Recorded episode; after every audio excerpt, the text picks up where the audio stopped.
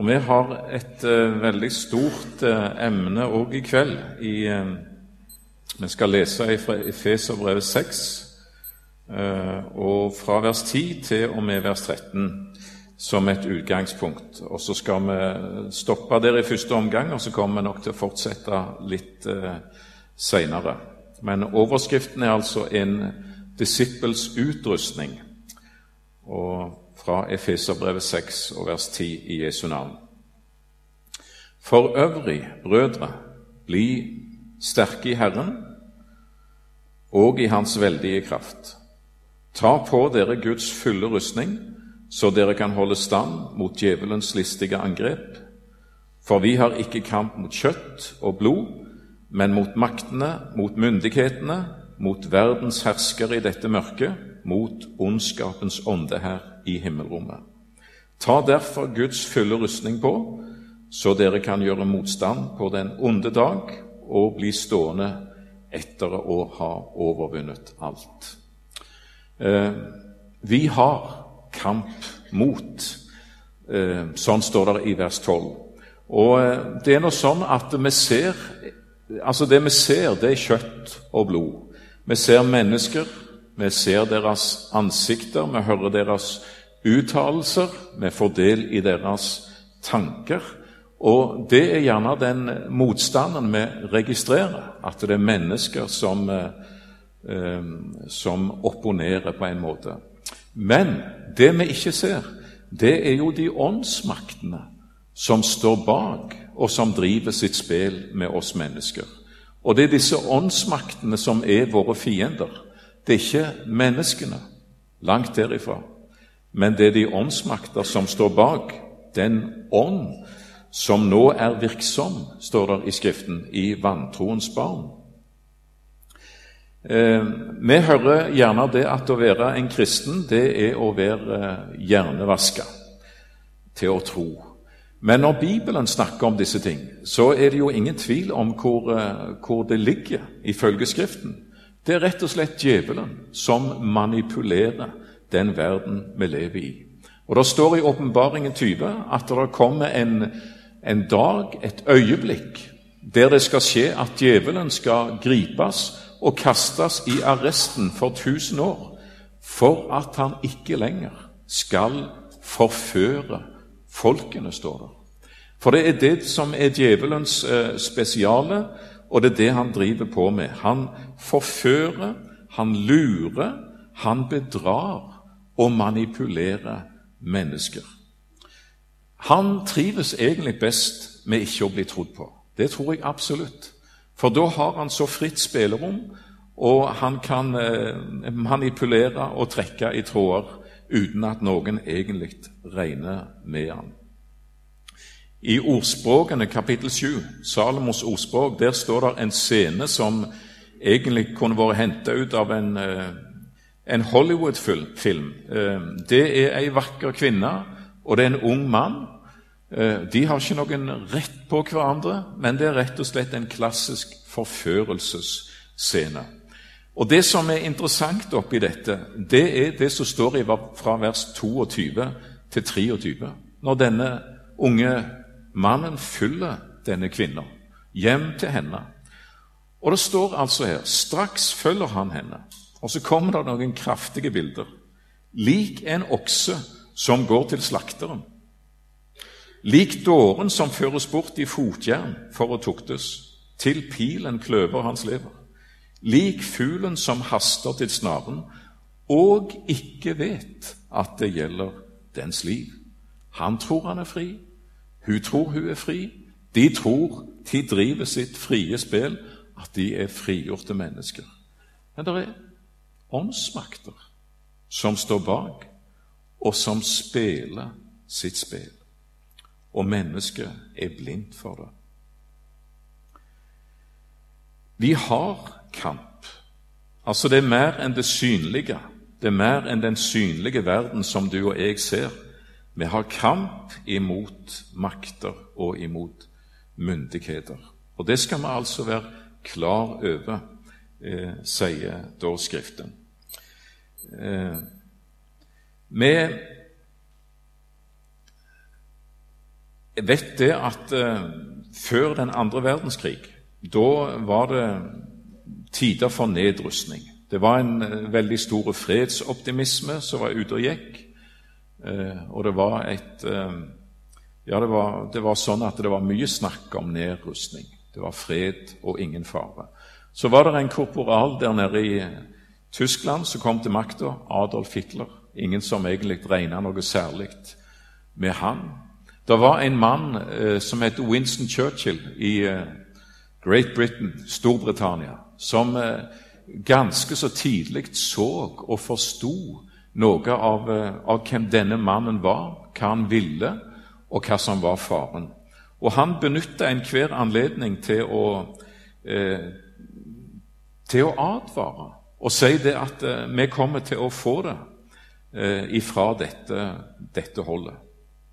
Eh, han ble veldig kraftig irettesatt. Det var til og med en som foreslo å stille han for krigsrett, denne Winston Churchill, og, og, og få han dømt og henretta fordi han var en gammeldags krigshisser, sa denne politikeren. Det har blitt skrevet det i ettertid om Winston Churchill. Han var den eneste seende i en nasjon rammet av masseblindhet. Han så faren som lå der rundt eh, hjørnet. Mens de aller fleste andre de snakket om nedrustning og fred. Dessverre så er det sånn på det åndelige området òg at vi hører mye av de fredssignalene i våre dager. Fred, fred. Fred og ingen fare, som det står i Skriften. Og det hører vi utenifra, ifra de som ikke bekjenner seg som troende. Men det hører vi òg innenifra, ifra til og med biskoper og lærde mennesker som skulle være våre åndelige førere og veiledere, og som vi dessverre ikke kan ha tillit til. En har psykologisert bort hele djevelen. Det er akkurat som han ikke eksisterer. Han er liksom eh, bortradert. Um, synd? Nei. Det kan vi visst forandre på ettersom vi finner rett og rimelig å omdefinere det. Fortapelse, Guds hellighet, Guds vrede. Nei, det har en lagt til sides. Det snakker en iallfall ikke om. En fortier det. Og det som på en måte er, er motordet, det er fred. Og det er fordragelighet eh, og alt dette. Hva er det en driver med? Og dessverre så er, er mye av kristenheten smitta av dette. Det en da driver på med, det er ensidig nedrustning. En ruster ned, altså iblant de troende. En eh, lar eh, åndens sverd ligge, troens skjold, det kan visst eh, ligge hjemme. Sannhetens belte om livet. Nei, det er ikke noe vits i å ta på. Og det er atskillig mer moteriktige og tidsriktige sko å ha på seg enn en fredens evangeliumsko, for ikke å snakke om eh, For ikke å snakke om frelsens hjelm. Nei da, det kan vi visst la ligge. Og så driver en på å ruste langt inn i Guds forsamling ensidig ned. Og hvis nå den gamle djevel hadde vært sliten og trøtt av hele greia og hadde vært tilsvarende blid og medgjørlig, og rusta ned han òg, og sa det at jeg, jeg har ikke den samme energien som jeg hadde før til å drive med djevelskap, så nå lar jeg det liksom ligge ned. Hvis han òg hadde rusta ned, så hadde det muligens gått opp i opp. Problemet er at Guds forsamling ruster ned, mens herr Satan ruster opp for full musikk. Og det er en livsfarlig ubalanse. Og Jesus advarer imot det, spesielt når det gjelder det som har med endetida å gjøre. Og når disiplene spurte ham hva er tegnet, spurte de, Matteus 24 og vers 3 og vers 4. Da kommer disiplene til Jesus mens de er der på Oljeberget, og de spør hva, når skal dette skje? Hva, hva er tegnet på ditt komme og på tidsalderens ende? Og Da svarer Jesus med en gang se til at ingen fører dere vil.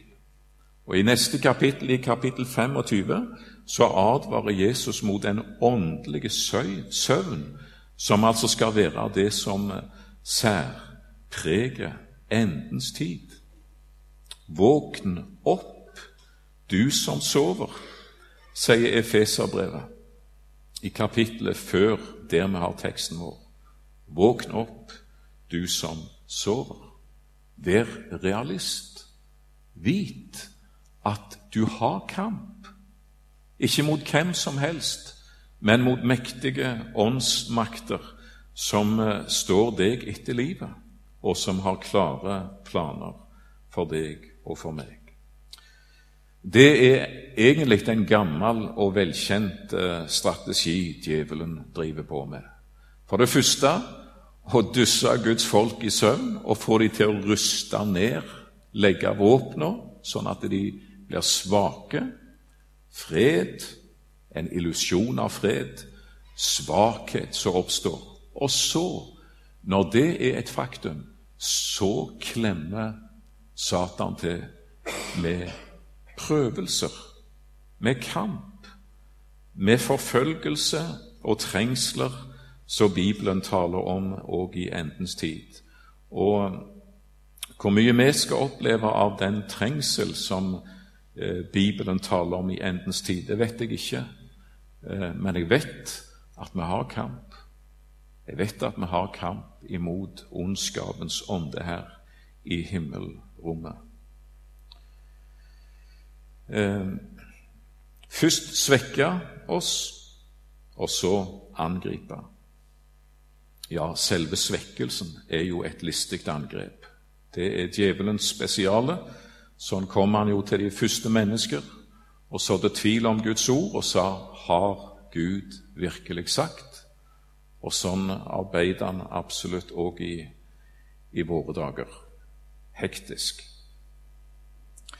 Eh, det ble spurt, eller når vi snakket om disse møtene, om en kunne si noe om eh, djevelen, hvem han er rett og slett.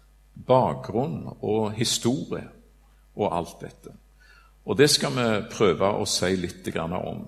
Men jeg hadde lyst til å lese ett vers før første, i Johannes 10 og vers 10. Eh, for der står det hva som er djevelens agenda. Intet menneske, og nå snakker jeg menneskelig, er bare ondt. Én ting er den åndelige sida, men uh, menneskelig talt så taler Bibelen om gode menneskelige egenskaper. Og ikke noe menneske på jord uh, er menneskelig talt bare ondt. Til og med en Hitler uh, hadde sine gode sider, om du skal si det sånn. Han var glad i sin mor. Han var glad i barn. De rette barna, holdt jeg på å si. Det var han. Og han han hadde sine sympatiske sider på den ene sida. Og det kan du si om, eh, om, mennesker i det hele tatt. Men når det gjelder Satan, så er det ingenting godt å si om han. Tyven kommer bare for å stjele, myrde og ødelegge. Det er hele hans agenda. Han har ingen gode planer for noen som helst. Det er ikke noe godt å si om han. Ikke at han er aktiv engang, som noen har sagt. At han ikke ligger på latsida. Det skulle jeg ønske han gjorde. Men det gjør han ikke. Han er proppfull av djevelskap, og det finnes ikke noe annet. Derfor så kaller Bibelen han for den onde. Altså personifisert ondskap. Ikke noe annet. Det er denne personen. Og Bibelen lærer det at bak det onde står den onde. Altså en personlig, ond intelligens, en skikkelse, et intellekt, en personlighet som står bak dette. Han er en person, altså en personlighet. Hvor kom han ifra? Eh, bare sitere et eh, fra Johannes 8, vers 44. Eh, der sier Jesus i det verset Han står ikke i sannheten, sier Jesus om Satan. Og De som har greie på grunntekst, de sier at selve formen der i Johannes 8, vers 44 det betyr at der djevelen står i dag, står han som følge av et aktivt valg. Han har valgt å plassere seg utenfor sannhetens område. Han står ikke i sannheten. Så Jesus antyder altså for oss et valg som denne skikkelse en gang fikk, og eh, der han valgte opprøret og valgte å stille seg ut forbi sannheten. To sanger skal vi se litt på i Det gamle testamentet. Eh, Jesaja kapittel 14 og vers 4 eh, Vi skal ikke lese vers 4, men vi skal lese fra vers 12 til og med vers 15, er det vel. Men der står det i vers 4 om en spottesang eh, som, som eh, dette her er altså ifra. En spottesang over Babels konge. Og det varer ikke lenge før vi forstår at det ikke er et menneske vi hører om her, men noe ganske mer. Vers 12. Jesaja 14, vers 12.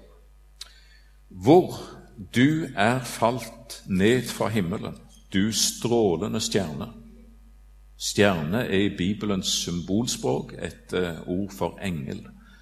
Du morgenrøden sønn, hvor du er falt til jorden, du som slo ned folkeslag.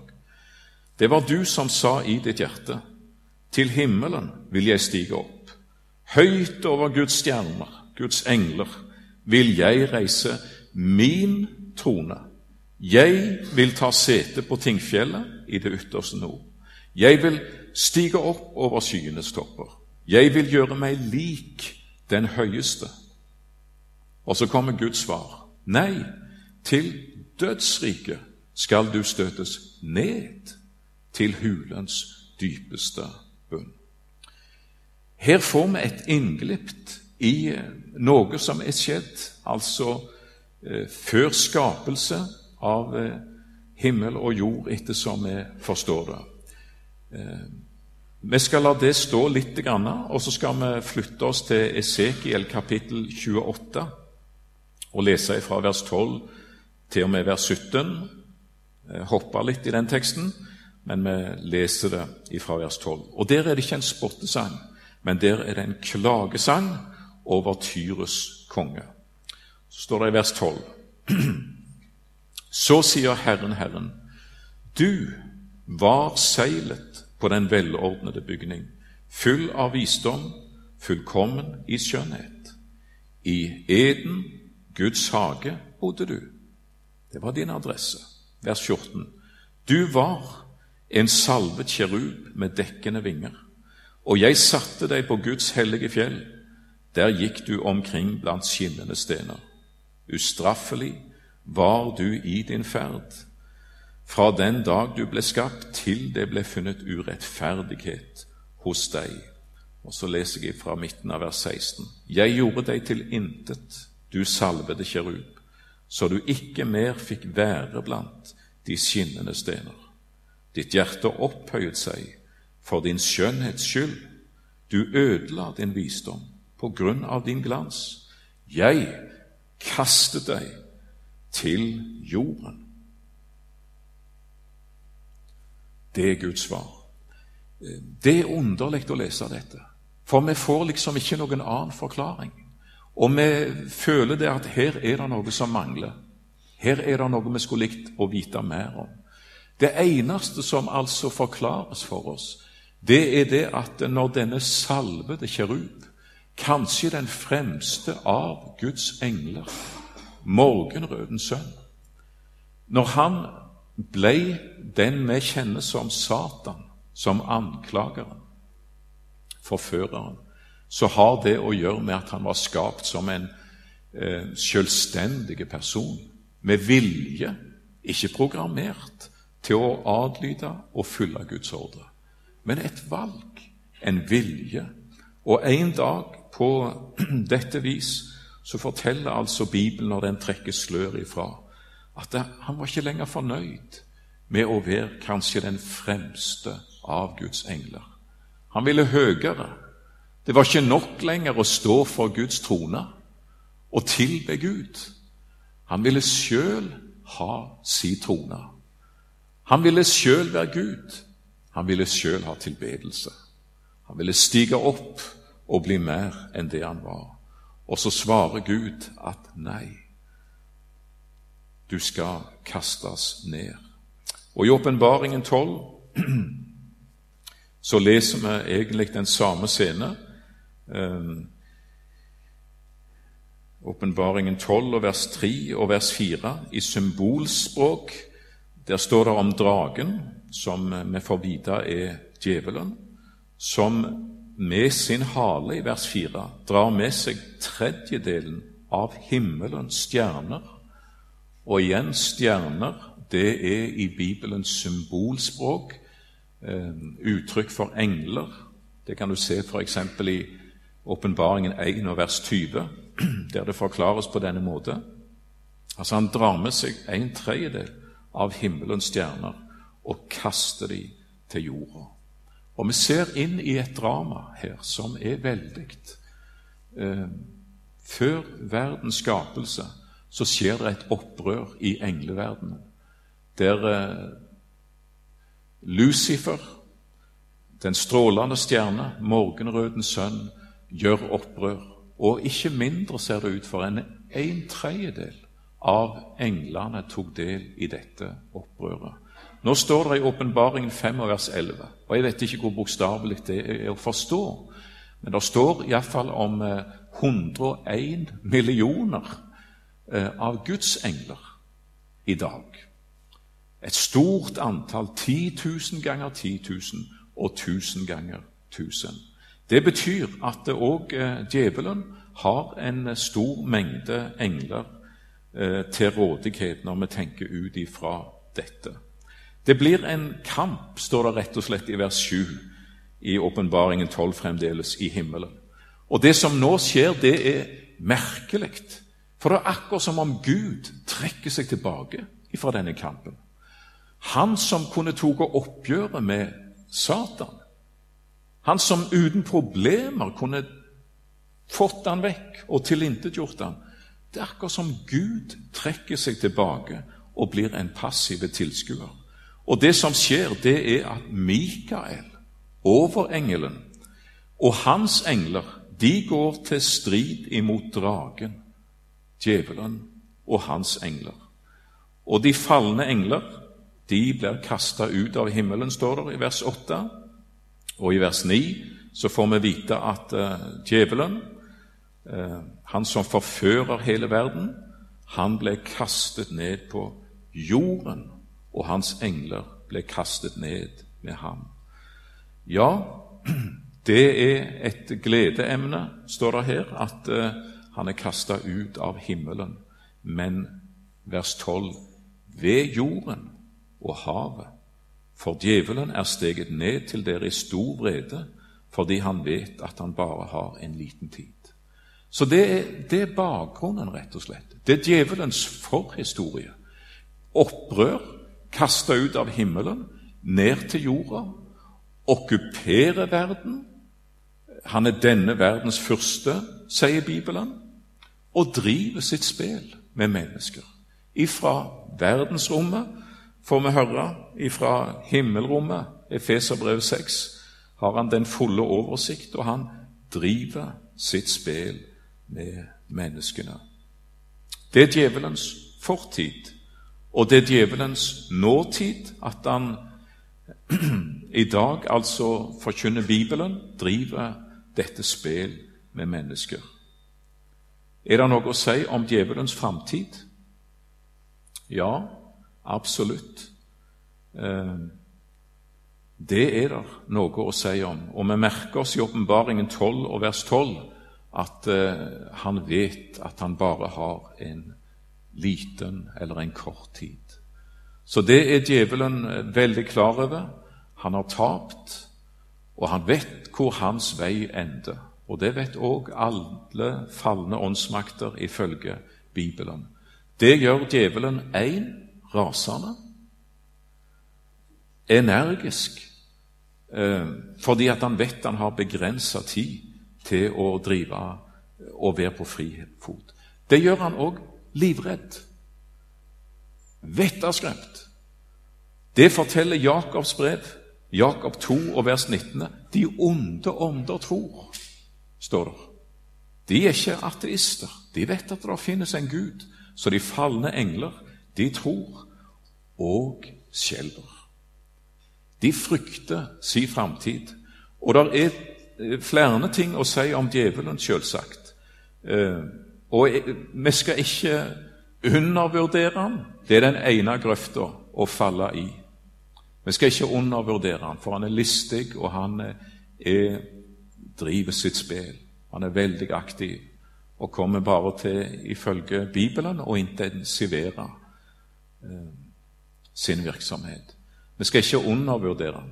På den andre sida skal vi heller ikke overvurdere han. Vi er som Guds folk så privilegerte å ha guddommelig beskyttelse. Himmelske livvakter, eh, det taler Bibelen om. Og skal en være redd djevelen? Jeg vet ikke om jeg vil bruke det uttrykket. En skal i en forstand ha respekt eh, forkynne Judas brev for eh, denne åndsfyrste, men ikke frykte han.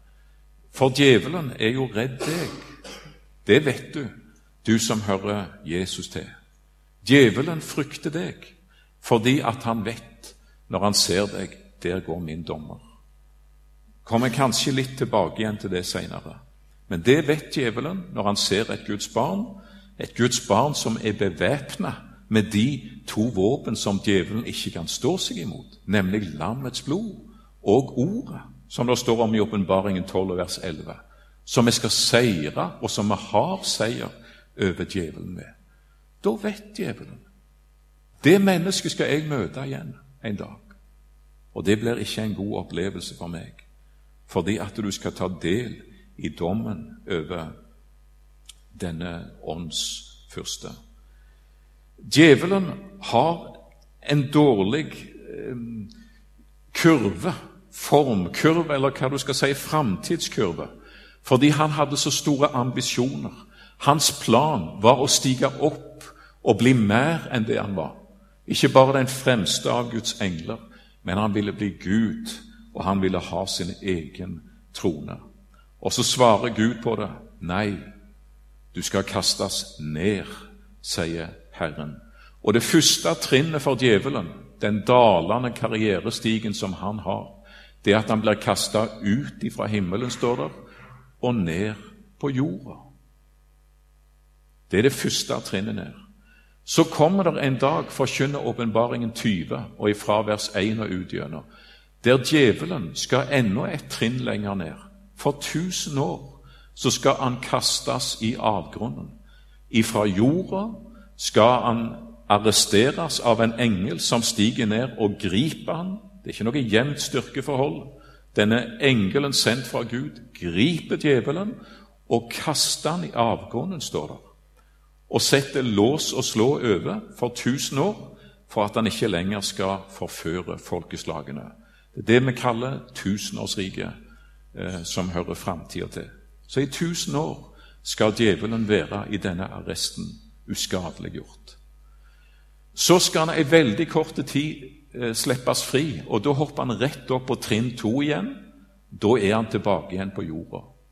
Men det er bare ei veldig kort tid, og så gripes han igjen, og så kaster han rett ned i det siste trinnet. Og det endelige, nemlig det som Bibelen kaller for ildsjøen i Åpenbaringen 20 og vers 10. Så der er djevelen først ifra himmelen kasta ut og til jord, så ifra jord og så ned i avgrunnen, arresten i tusen år, så ifra avgrunnen og ned i det endelige, i ildsjøen. Og det er det siste du og jeg kommer til å se til Satan, da han ute av eh, vår historie og han skal være der i all evighet. Det er Bibelens eh, tale om denne åndsskikkelse i fortid, nåtid og i framtid.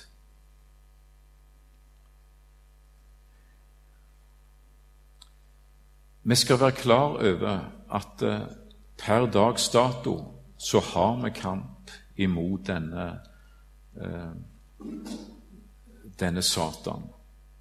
Derfor så behøver vi å høre det som jeg leste fra Efeserbrev 6 og vers 10. Bli sterke i Herren og Hans veldige kraft. For vi har ingenting å stille opp imot djevelen når det kommer til deg og meg. Vi har ikke styrke til det, og det skal vi være klar over. Men det er en, eh, en mulighet som Herren gir oss. Ta på dere Guds fulle rustning, så dere kan holde stand mot djevelens listige angrep. Ikke en del rustning, men en full rustning som dekker ifra topp til tå. Og den behøves fordi at vi har kamp mot maktene, mot myndighetene, mot verdens herskere i dette mørket, mot ondskapens ånde her i himmelrommet. Nå er det ikke tid til å ruste ned. Nå er det tid for Guds folk til å ruste opp. For djevelen ruster opp. Og vi merker det når Bibelen taler om endetida, at det, det blir kamp på et høyere nivå. Det, står, det har alltid vært frafall, men når det står om endetida, så står det i bestemt form entall om frafallet. Altså et større frafall enn det som har vært før. Det har alltid vært trengsel gjennom historien for Guds folk, men i endens tid så tales det om den store trengsel, større enn det noensinne har vært før. Og det har alltid vært forførelse. Men Jesus advarer oss altså i Matteus 24 om at eh, mot endens tid så skal det bli større eh, dimensjoner over det, og fordi at det skal være en forførelse som kommer til å skje i Jesu navn, og som kommer til å bli ledsaga av store, spektakulære tegn og under, sier Jesus. Så derfor trenger du og jeg å vite det. Vi behøver Jesus mer i dag enn du gjorde i går. Vi behøver dag for dag å komme nærmere Jesus og ruste opp mer, for djevelen ruster opp. Og vi skal ikke tro noe annet enn at eh, han er ute etter deg, og han er ute etter meg. Det som er så godt, det er å lese i Bibelen, i Kolosserbrevet 2 og vers 15, et ord som jeg er, er veldig glad i. Kolosserbrevet 2 og vers 15. Eh, der står det om Jesus at han avvæpnet makten og myndighetene. Stilte dem åpenlyst til skue da han viste seg som seierherre over dem på korset. Der tok han våpnene ifra djevelen, og det våpenet han hadde imot deg og meg, det var skyldbrevet, som det står om i verset foran, det som gikk oss imot. Djevelen hadde noe på meg. Han hadde et dokument som viste at jeg ingenting hadde i himmelen å gjøre. Det ville han bruke imot meg. Det tok Jesus vekk idet han døde for dine synder på korset. Og dermed så avvæpna han maktene og myndighetene. Og han stilte de fram til spott og til spe i all offentlighet, som det uttrykket betyr, på Golgata, da Jesus viste seg som seierherre. Så det er gode nyheter for deg og for meg. Én, på Golgata er Satan avvæpna. Og to, på Golgata er du bevæpna. For det står, som vi før har sitert, fra Åpenbaringen 12 og vers 11. De har seiret over ham, over Satan, i kraft av én lammets blod, som renser fra all synd, og to ordet som de vitnet. Nå skal vi bare veldig kjapt til slutt gå i, eh, stoppe litt ved de forskjellige, for vi rekker ikke mer, de forskjellige delene av rustningen. Efeserbrevet 6 og vers 14. Det første som nevnes som en del av vår rustning, vår fulle rustning, det er sannhetens belte om livet. Sannhetens, ærlighetens belte om livet. Djevelen er en løgner. Eh, du skal møte han med sannhet. Og det handler om å leve i lyset hos Herren, å leve i sannhetserkjennelse innenfor Gud og bekjenne synd som synd, nåden som nåde. Sannhetens belte. Det er vårt våpen, for det første, eller det er en del av vår rustning imot eh, Satans angrep. Lev ærlig med din Gud. Bekjenn dine synder. Begynn ikke å jukse. Begynn ikke å slå deg til ro i dine synder. Da har djevelen taket på deg. Lev i lyset. Sannhetens belte om livet. For det andre rettferdighetens brynje. Brynje, det er det som dekker kroppen. Det dekker hjertet, brystet. Det er vitalt. Du kan bli skada mange plasser. Du kan ha kjøttsår, og det er ikke så farlig. Men hjertet, det er veldig, veldig viktig. Bevar ditt hjerte framfor alt, sier Skriften. Eh, og da trenger vi rettferdighetens brynje. Vi trenger å væpne oss med den tanken at i Jesus har jeg den rettferdighet jeg trenger eh, for å møte Gud. Og når den tanken får plass og rom i ditt hjerte og i ditt sinn, så fører det til livets rettferdighet. Du lever etter Guds ord, etter Hans ordninger. Du innretter deg ikke i synd. Du lever i syndenes bekjennelse og i syndenes bekjempelse. Rettferdighetens brynje, den eh, dekker deg. Pass på eh, ditt hjerteforhold til Jesus, og det har rett og slett med din rettferdighet å gjøre. Søk først Guds rike og hans rettferdighet at ditt forhold til Jesus er det første og viktigste i ditt liv. Djevelen vil ha det ned på andreplass. Da er han fornøyd. Men det er der alt begynner, altså hjerteforholdet til Jesus. For det tredje står det i vers 15 ha som sko på føttene den beredskap som fredens evangelium gir. Vi sier ikke så mye om det, men dine sko er fredens evangelium. Fred med Gud betyr krig imot Satan. Og, og, det at du har fred med Gud for Jesus skyld, det gir deg kraft i striden. Når det får fylle ditt hjerte, får plass hos deg, du gleder deg over den fred du har i Jesus, da virker det letthet i kampen. Du springer. Du kjemper, du har sko på føttene, og du eh, får erfare at Herren er der med sin kraft og sin styrke når du behøver det. Ny kraft. Du springer, du går noen skritt eh, for Jesus. Fire. Grip framfor alt troens skjold, i vers 16. Og det ordet som står der eh, på grunnteksten, sier de lærde, det betyr et sånn heldekkende skjold som dekker hele soldaten. Med det skal du kunne slukke alle den ondes brennende piler. Troens skjold. Troen på Jesus, tilliten til Jesus, til Ordet. Eh, kunnskapen eller kjennskapen til det som er troens innhold, det er et mektig skjold å bruke imot djevelens brennende piler. Du kan avverge dem med det. For det femte frelsens hjelm, står det videre. Frelsens hjelm, vers 17. Hjelm, det dekker hodet, det har med tankeliv og alt dette å gjøre. At, eh,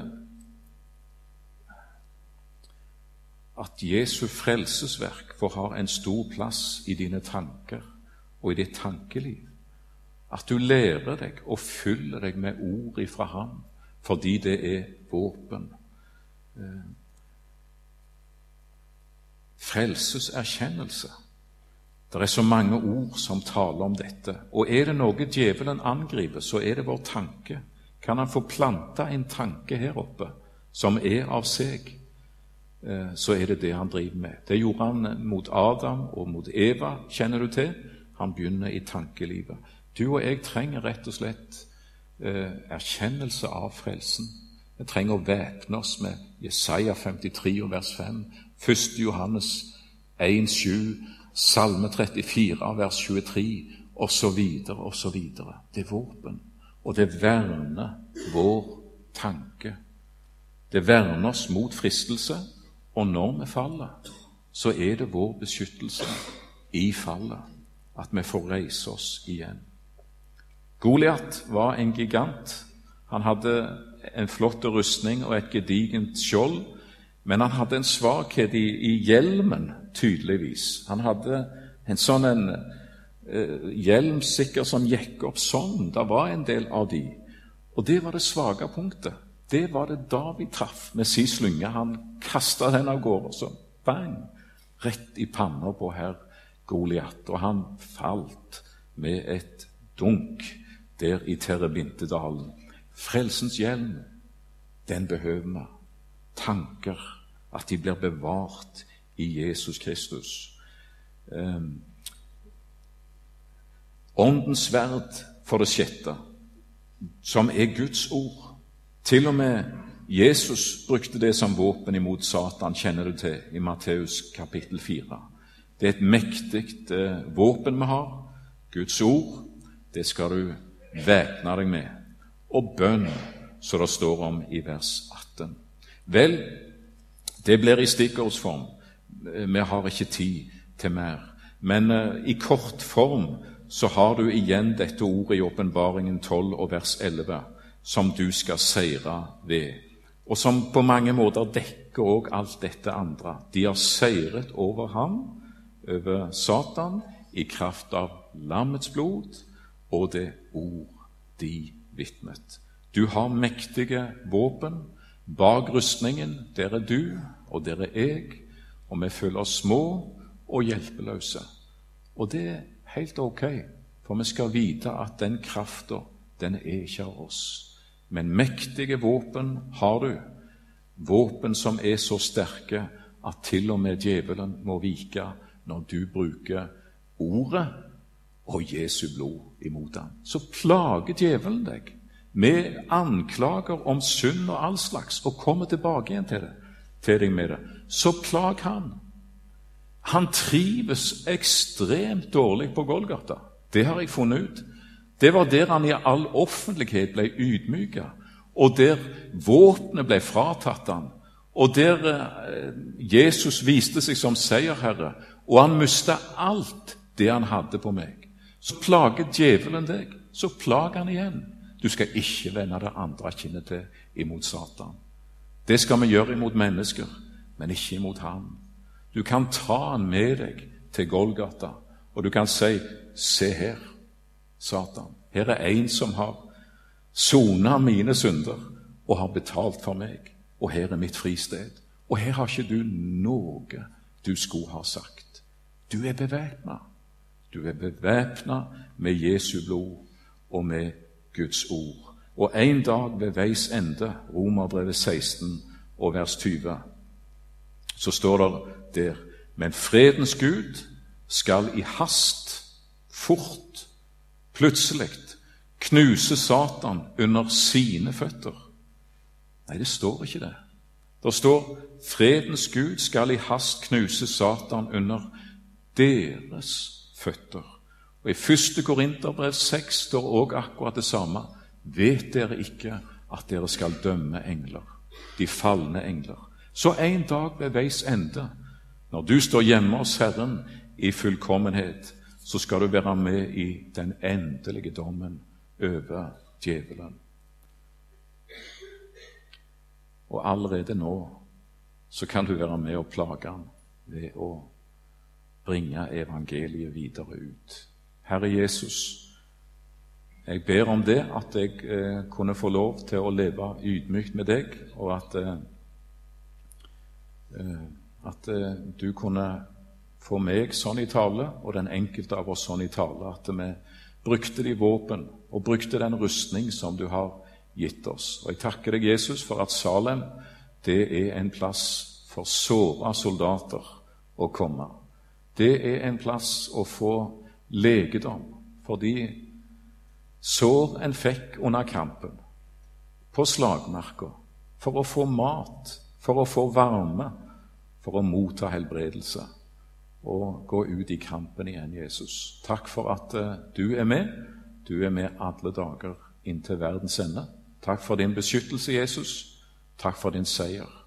Og takk at uh, du får Du vil ha oss med som soldater i din hær. Det priser vi deg for. Amen.